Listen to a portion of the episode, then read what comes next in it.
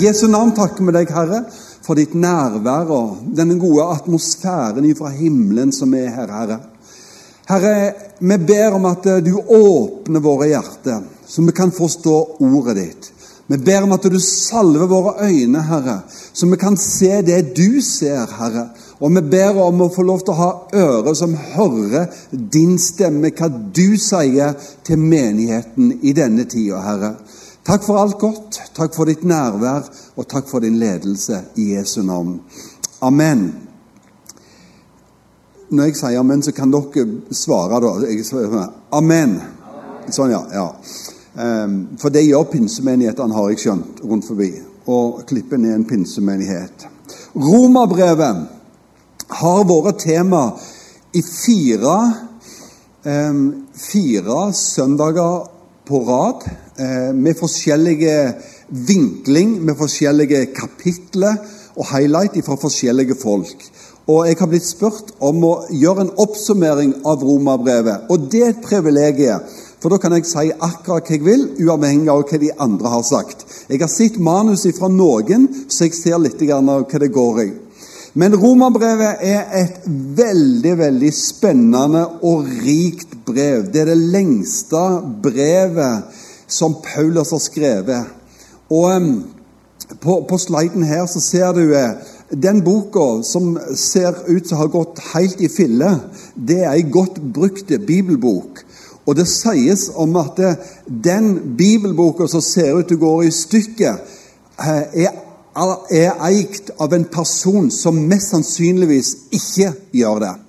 For Guds ord har en enorm virkning i våre liv til å styrke oss, til å holde oss på kursen, til å oppmuntre oss og til å bli det som Gud har kalt oss til å bli. Den andre bildet der, der står det ei bok som jeg vil anbefale. Gammel bok fra en uh, mann som ikke lever lenger, uh, som kom fra Norsk Luthersk Misjon. som Han kom lenger fra Den norske kirke, men jeg tror han hadde en sterk tilknytning til Norsk Luthersk Misjonssamband.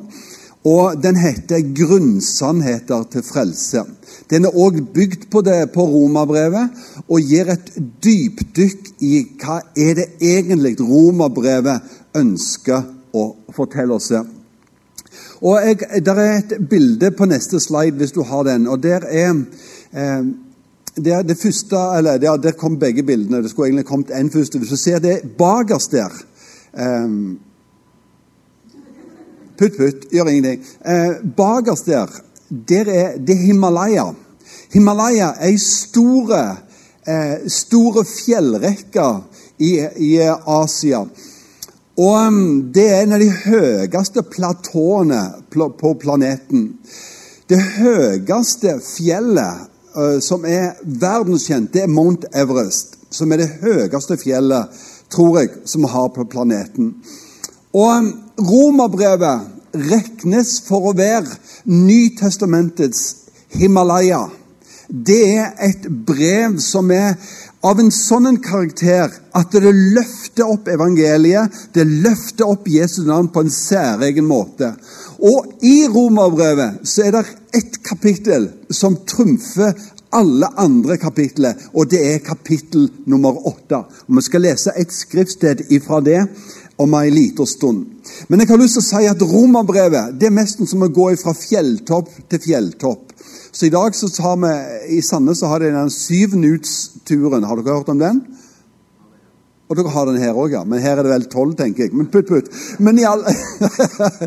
men, men la, oss, la, det bli en sånn en dag der at vi vandrer på toppene, både ser historisk hvordan ble dette brevet til, og hvordan skal vi forstå det, og så ta noen ting av highlight av dette brevet her. Jeg har lyst til å starte med en av disse toppene fra Romerbrevet kapittel 8 og vers 37 til 39 i Jesu navn. Men i alt dette vinner vi mer enn seier. Hvor bra er ikke det, da? Det er ikke seier, liksom. Det er ikke, Nå tapte jo Norge i går, men neste så vinner de, da. Altså. Men Paulus han sier vi vinner mer enn seier ved Ham som har elsket oss. For jeg er overbevist Hør, hør disse tunge, sterke ordene. Jeg er overbevist om at verken død eller liv, verken engler eller myndigheter og makter, verken det som er nå eller det som skal komme, verken høyde eller dybde eller noen annen skapning skal være i stand til å skille oss ifra Guds kjærlighet, den som er i Kristus Jesus, vår Herre. Dette her er noen ting av, som er komprimert av disse tingene som vi opplever distanserer oss fra Gud. Det er død, det er sykdom, det er prøvelser, det er andre ting.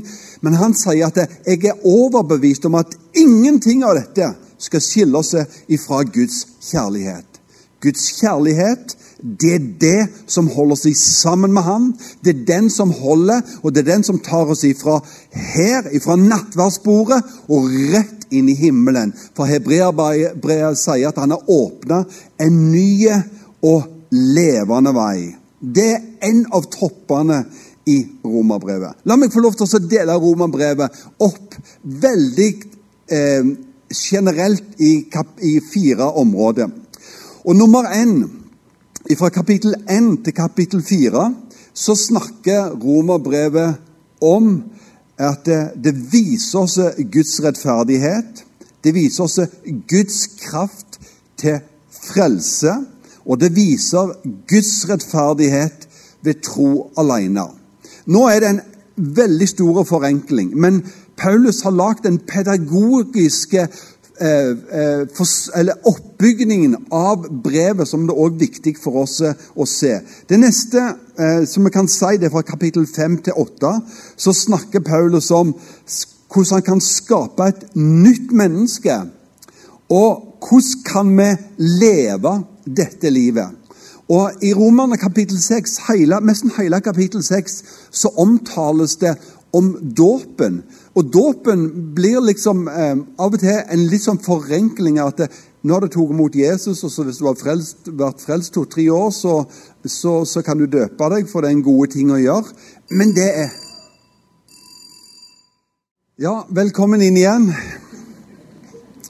Det er flott når vi forkynner evangeliet så sterkt at det til og med brannalarmen slår ut. Da har vi kommet til et nytt nivå her. Det er veldig kjekt. Så eh, vi er inne da i eh, bare en, en, en, det store bildet av romerbrevet, som vi deler opp i fire. Eh, nummer én så snakker vi om fra kapittel én til fire. om Guds rettferdighet, Guds kraft til frelse. Eh, og ikke minst dette med at du blir rettferdig ved kun ved tro alene. Jeg skal komme tilbake igjen til det. Nummer to eh, Går det greit at jeg bare går rett på igjen? Rasmus sa det var en, en test dette her, på om jeg greide å ta opp tråden igjen. Så jeg må bare kjøre på her. Men, men, nå fikk jeg fem minutter ekstra. Nei, ti minutter. Ok. Uh, kapittel fem til åtte. Uh, det å skape et nytt menneske. Vi snakket litt om Romerne kapittel seks. Og hvordan kan vi leve dette nye livet? Og fem til åtte inneholder òg et komplisert kapittel. Jeg vet ikke om dere har vært inne på det, men kapittel sju. Et komplisert kapittel. For det det, det snakker om, om det, det, jeg ikke vil. Vi snakker alltid om det du vil, og du må ha mål, og du må gå. Men, men hva skjer når jeg ikke vil? Hva skjer når jeg feiler? Og, og Nummer tre det er fra kapittel 9 til 11. Det dreier seg mye om, um, om, om Guds rettferdighet når Israel er troløse. Og Israel har en spesiell plass i Guds frelsesplan, som det er utrolig interessant å følge med i denne siste tida før Jesus kommer igjen. Der er det 23 prekener som du kan plukke på nettet akkurat der. Og det, nummer, Del nummer fire, fra kapittel 12 til vers 16, så snakker romerbrevet om en praktisk anvendelse av hvordan evangeliet leves i våre liv og gjennom våre liv i den gaveutrustningen vi har til de som er rundt oss. Og Han snakker òg veldig høyt og tydelig om det som har med enhet i kirka å gjøre. Når Paulus hadde skrevet dette brevet, så hadde han aldri vært i Rom. Rom er jo hovedstaden i Italia. Vi kaller det for Romerriket på denne tida. Og det var at det var hovedstaden i dette store riket. På det tidspunktet som eh, Paulus sitter i Korint og skriver til romerne, så var det kanskje en så mye som en million mennesker som bodde i byen Rom. Romerriket på den tida strekte seg helt til Eufrat, som er i dag i dagens eh, Irak. Det strekte seg opp gjennom mot Svartehavet, der som i dag har Ukraina, og videre opp til og med hele eh, eh det som vi kalte Britannia, da, det som vi kaller for England i dag, og ned gjennom til Nord-Afrika Nord og deler av Midtøsten, deriblant Israel. Dette dette var Romerriket. Og det ble etablert, ikke ble etablert av lang eh, historieetablering, men 300 år før Kristus så var det sånn det så ut. Og så Vi leser juleevangeliet. Da leser vi om um, i, um, keiser Kvirinius. Helt riktig. Keiser Augustus, der Kvirinius var landshøvding. Got it! Så um, Jeg har en bibellærer på tredje benk her, og det forstyrrer meg litt. Men det, men det skjønner dere jo. Så, så i, i, eh, når, når, det da ble innskrevet i manntall i den delen som var Romerriket, så regner de med at det kanskje var så mye som 60 millioner innbyggere i Romerriket. Og det var, det var, delt inn i forskjellige uh, deler, og det var forskjellige landshøvdinger og, og den type ting. Det, har dere, dere hørt det uttrykket der at alle veier fører til Rom? Ja. På den tida, når Jesus ble født, så var infrastrukturen i den da kjente verden, som Romerriket var den sentrale delen av, så var det en infrastruktur som gjorde at evangeliet kunne kjapt nå hele verden. Og Vi har òg hørt om eh, når menigheten ble født, og vi kalles for det som kalles for diasporaen, dvs. Si folk ble sendt ut i den hele da kjente verden, så var det fordi at der, eh, infrastrukturen var så bra bygd av romerne. Det var veier overalt, og det gjorde at evangeliet fikk føtter, eller skal vi si hjul, å gå på. Når, når denne menigheten i Rom den er antageligvis starta av mennesker som har vært på besøk i eh, menighetene i Lille-Asia, som er i dagens Tyrkia. Kanskje de har vært i Jerusalem, kanskje de har vært i Korint. Så har de hørt evangeliet, tok imot evangeliet, og så har de tatt det med seg, og så har det blitt en menighet i Rom. Og Motivasjonen til Paulus for å skrive dette brevet er det for å gi dem en strukturerte, teologisk og god oversikt over hva er egentlig evangeliet, og hvordan skal jeg kunne leve og ta imot dette. Derfor, eh, den, den, den, bakgrunnen der syns jeg er interessant selv, for det gir en sånn en eh, kontekst til hva det egentlig dreier seg om. Paulus skrev dette på sin tredje misjonsreise, den siste reisen som vi kjenner til, i år 56 og han sitter altså da i Rom. Han er selv på en innsamlingsaksjon for å samle inn penger til de fattige i Jerusalem. Og Hans plan var, etter han hadde da fulgt disse pengene fra eh, eh, Korint, eh, dvs. Si, eh, sør i Makedonia og Hellas, så skulle han fylle pengene til Jerusalem. Og etterpå så skulle han besøke romerne. Og så skulle de istandsette han til å reise til Spania og forkynne evangeliet.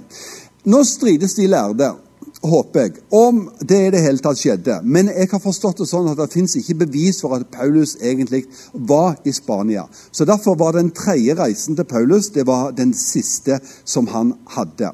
Brevet ble skrevet som sagt, før han i hele tatt hadde truffet romerne. Paulus kom til Rom, men ikke som en fri mann. Han kom i lenke, og etter si det så, så vet vi at han òg led martyrdøden i Rom.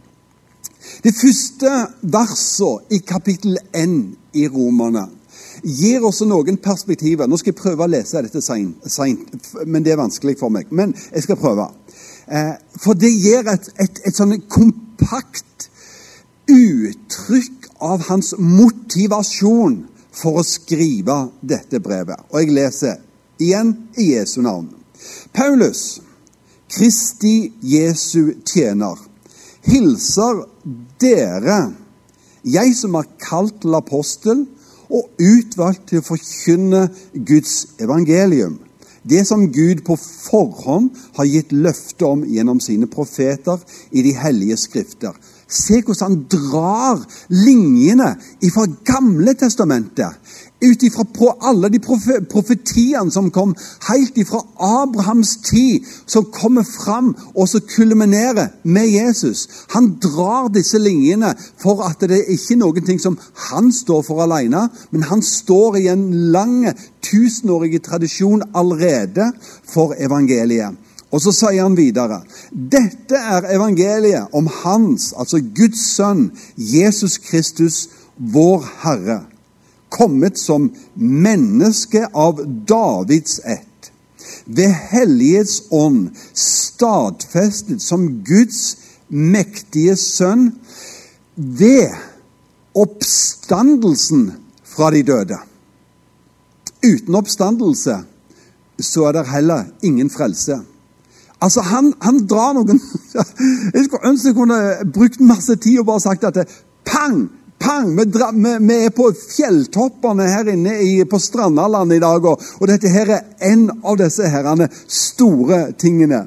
Eh, og så sier han videre Ved ham har jeg fått nåde og aposteloppdrag for at jeg skal føre mennesker av alle folkeslag til lydighet, til, i tro, til ære for hans navn og blant dem er også dere romere, som er kalt til å høre Jesus Kristus til.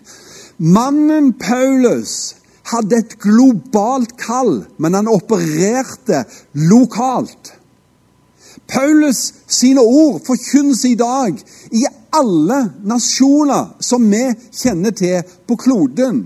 Og Her profeterer han om at jeg har fått nåde og aposteloppdrag til å føre mennesker av alle folkeslag han visste at det, Paulus som kalles for nådens apostel, det vil si at det er hans åpenbaring om den nåden som Kristus er for oss, den er globale.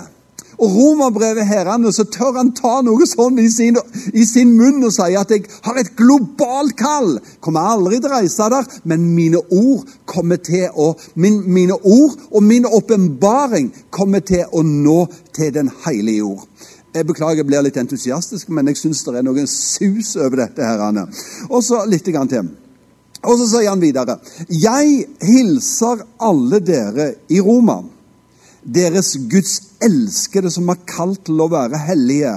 Nåde være med dere, og fred fra Gud, vår Herre, og Herren Jesus Kristus.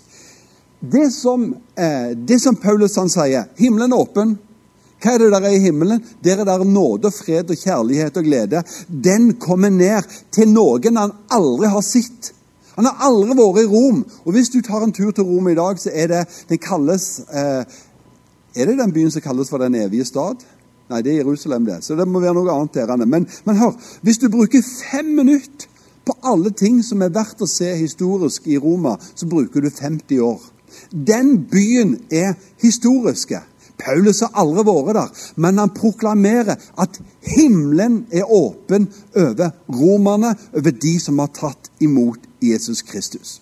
Så langt Guds ord. La, la oss bare det, gå tilbake igjen, nei, gå framover, og så ser vi litt på disse store, eh, store områdene som romerbrevet inneholder. Eh, jeg har så vidt nevnt punkt nummer én, det at det, han hadde planer framover. Det var å dra fra Korint til Roma, fra, fra, nei, til Jerusalem, fra Jerusalem til Roma til Spania. Det var hans planer. Det er ikke alltid at planene går sånn, men, men det var iallfall hans planer. Eh, og nummer to det er at eh, Hva var egentlig hensikten med brevet? Vi har så vidt, eh, eh, drøfta det òg. Det er at Eh, det er egentlig å lage en oversikt over evangeliet og Guds frelsesplan, og hvordan vi kan leve dette ut fra dag til dag i sammen. Gå vekk. Sånn, ja. Um, jeg bare snakker til han, og da skjer alt her, ser du. Um, eh, skal vi se, eh, hensikten med brevet, ja. Um, og så er det òg at da, de viktigste prinsippene i det han forkynte, den er kompakte i romerbrevet. Og i dag så kan vi si at brevets karakter det ble regna som det ypperste utlegging av Skriften og Guds hensikter og dype, dype sannheter. Sånn som eh, at du kan kun bli frelst ved tro. Og ikke som jødene tror i kapittel 12 og utover, at, nei, kapittel 9 og utover, der at, du, at det er dine gjerninger som kan frelse deg. Det er selve hovedtesen til Paulus. At du kan kun bli frelst gjennom Jesus Kristus ved tro. Og da er du kan oppleve nåden alene. I personlig anvendelse, som jeg tror er noen ting av det som vi kan jobbe med lang tid framover Du behøver ikke ha et dypdykk i teologien, men du må forstå teologien, altså læren om Gud, sånn at våre liv kan få en innflytelse av dette brevet. Sånn at våre liv ikke reflekterer verden eller sosiale medier eller medier eller samtidskulturen, men at vi blir påvirka og utrusta til å leve Kristuslivet ut ifra Guds ord. Og Derfor er det eh, et skriftsted som er utrolig viktig akkurat i den forbindelsen når vi snakker om personlig anvendelse. Det er i Romerne kapittel 12 og vers 1 og 2. Og Der, der står det eh, eh The Message, eh, en parafraserte eh, engelsk oversettelse, sier det sånn på, på, engelsk Don't be so well adjusted to this culture that you fit in without even thinking. Det vil si, ikke bli så tilpassa av denne samtidskulturen at du passer inn i kulturen. Til og med uten å tenke, sier han. Og Det er jo det, det, er jo det som Romerne kapittel 12 og vers 1 og 2 spesielt snakker om. Men i forhold til personlig eh, anvendelse så er det at det, ordet, romerne, den oppmuntrer oss til å ha Abrahams tro. Ikke en, bare en sånn en tro, men den, der, den troen på at Gud er miraklet. Eh, og Han snakker om at i, i, kapittel 4 kan du lese det i Romerne om at, at Abraham var 90 år og hadde på en måte gitt opp greia med å få barn. Ikke bare fordi han hadde problemer sjøl når du er 90 år. Det er ikke så, så heftig når du er 90 år, liksom. Og, og så så han på Sara. Hun var iallfall uh, gått gjennom både den første og andre overgangsperioden. Så, så, liksom Det var ikke så menneskelig sett så veldig stort håp for å få løftesønnen. Men så står det og, men han trodde Gud. Han trodde Gud. Og så står det det ble han til rettferdighet. Når du har en situasjon som ser håpløs ut Det er ikke håp lenger. Alle vanlige kriterier for å kunne oppnå det som du har lyst til eller har blitt kalt til å oppnå, det er utgått. Men han trodde Gud. Det er jo det som er vårt trosgrunnlag. Vi, vi håper på himmelen, vi tror på himmelen. Mens hele verden, hele media, det sier at det, når strømprisene går opp, og, og, og det er krig, og, og matvareprisene og, og renter Det er liksom Jeg greier snart ikke lese nyheter lenger. Men det er noen ting når jeg ser inn i denne boka her, og sier dette, men han trodde Gud. Så det, kommer det tro i mitt indre istedenfor frykt i mitt indre. Og Bibelen sier at det, den fullkomne kjærligheten driver frykten ut. Og det er noen ting som i forhold til personlig anvendelse Når du leser romerbrevet, så kan det være med å styrke ditt indre menneske, så at du ikke lar deg påvirke for mye av det som foregår rundt deg. I romerbrevet så ser vi mye spor av Kristus. Og Paulus han, han, han, han, eh, highlighter Jesus som vår frelser, at han døde for oss. Det at vi skal tro på han til frelse, og at alle våre velsignelser det er i Jesus Kristus. Og Videre så snakker han også om det at det, om Den hellige ånds verk, som er i oss, igjennom oss, rundt oss.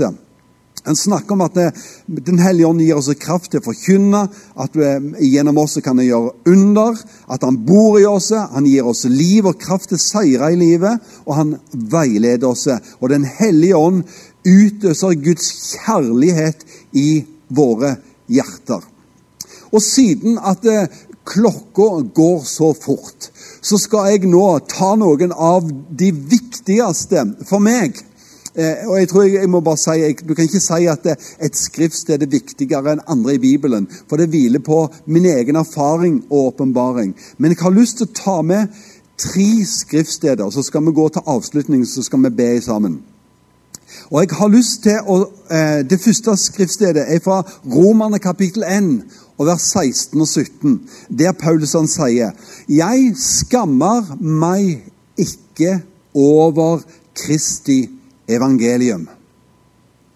Tenk hvis vi hadde kan si det samme i alle sammenhenger. Vi skammer oss ikke over Kristi evangelium.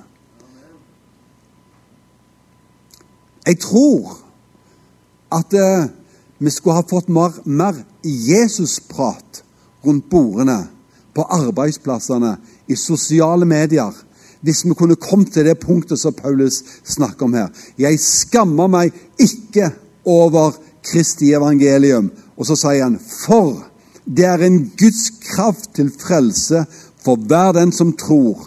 For jøde først, og så for greker. For i det blir Guds rettferdighet åpenbart av tro til tro, som det står skrevet. Den rettferdige av tro skal leve.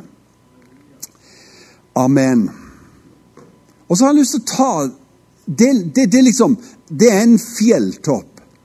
Og så er det noen ting Når, vi, når, når du ut ifra et kristent, tradisjonelt synspunkt ser på hvordan verden er, og hvordan verden har blitt Og det er nesten som at det, det ene tar det andre, og, og, og at de kristne er på vikende front, og kirka har problemer og blir marginaliserte. Og, og folk som sitter i, i, eh, i, høyere autoritet enn oss, de er de som nå går inn og definerer hva teologi vi skal ha.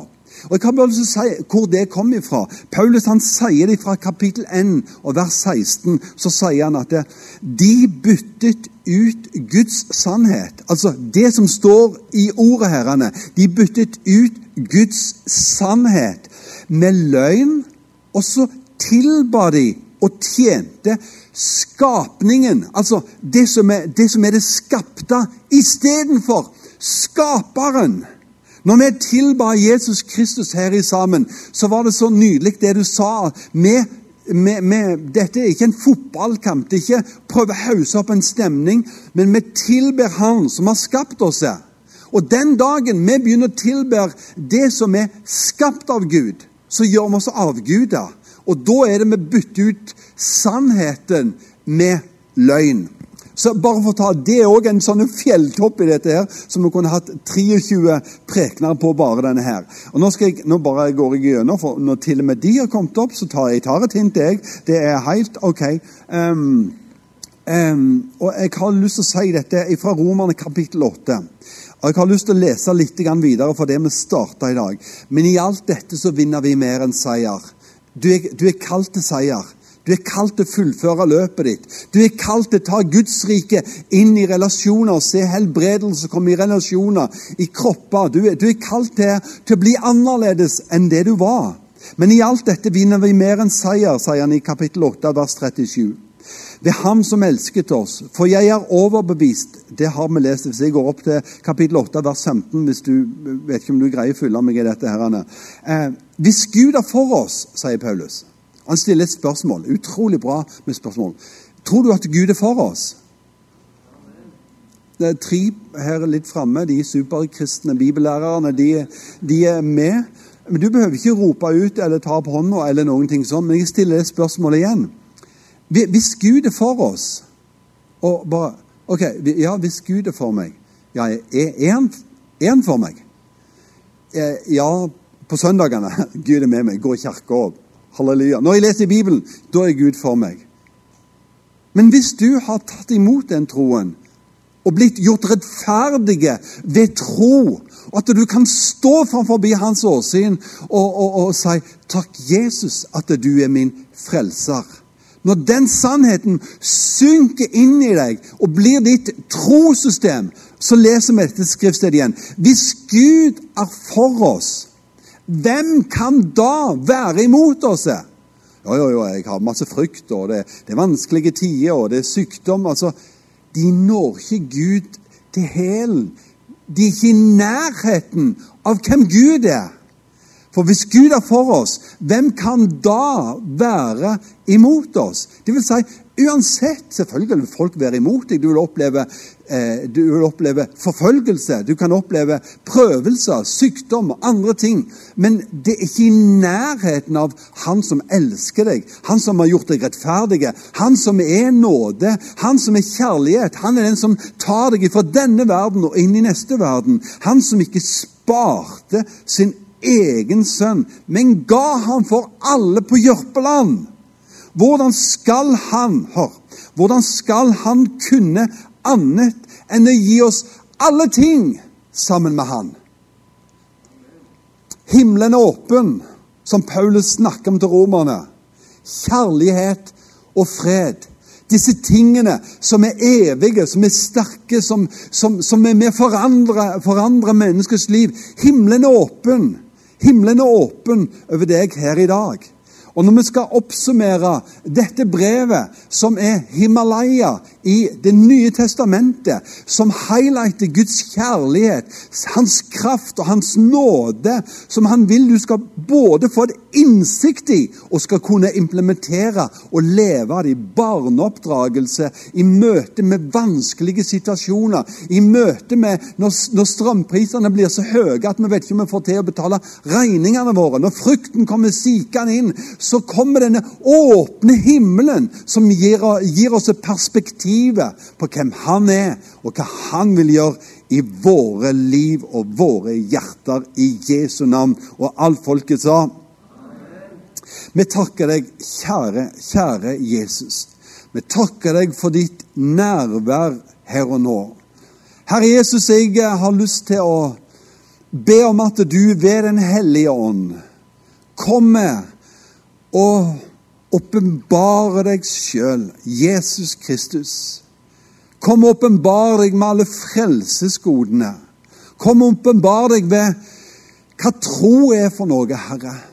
Herre, la oss få innsikt i dybdene i ditt ord, Herre. La oss få innsikt i ditt, i ditt frelsesverk, det du ga ditt liv for oss, Jesus.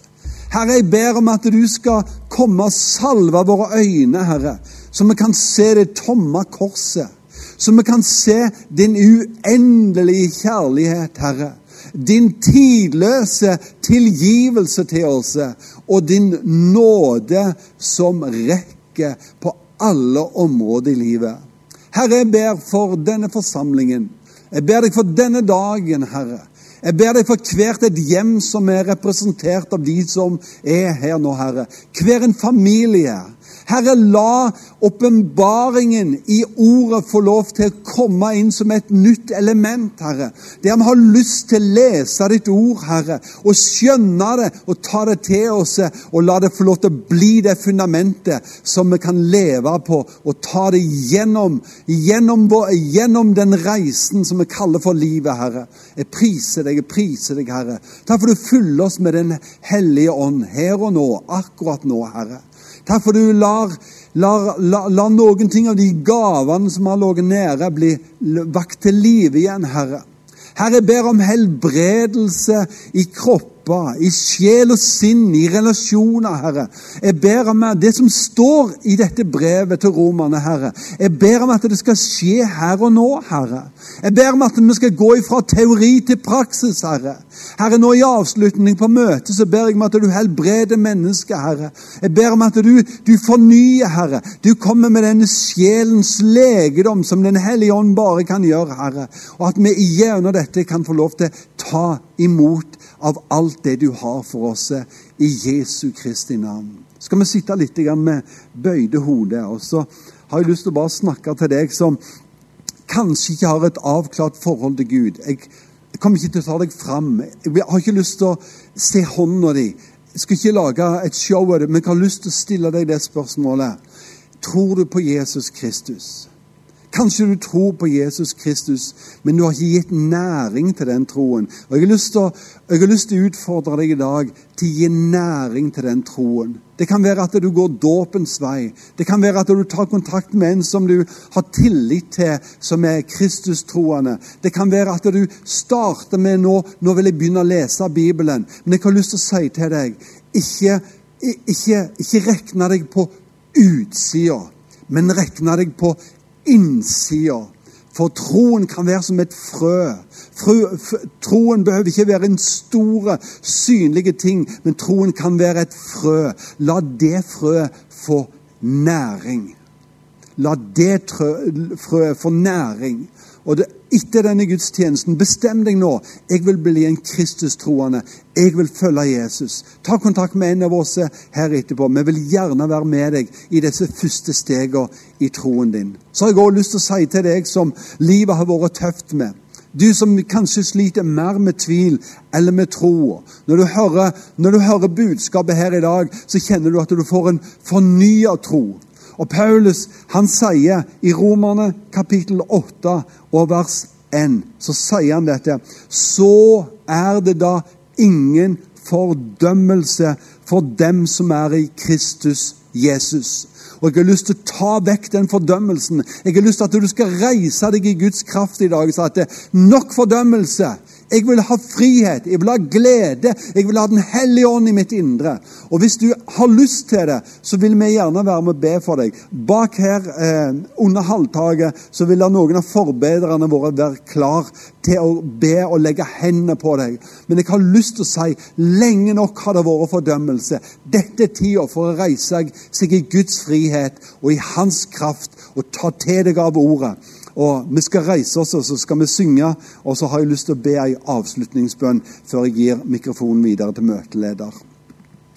Skal vi reise oss opp i Jesu navn, alle sammen? Herre, jeg takker deg. Takker deg, jeg takker deg. Nå ber jeg siste gang, Herre, for de som akkurat nå kjenner fordømmelse i sitt eget liv, Herre.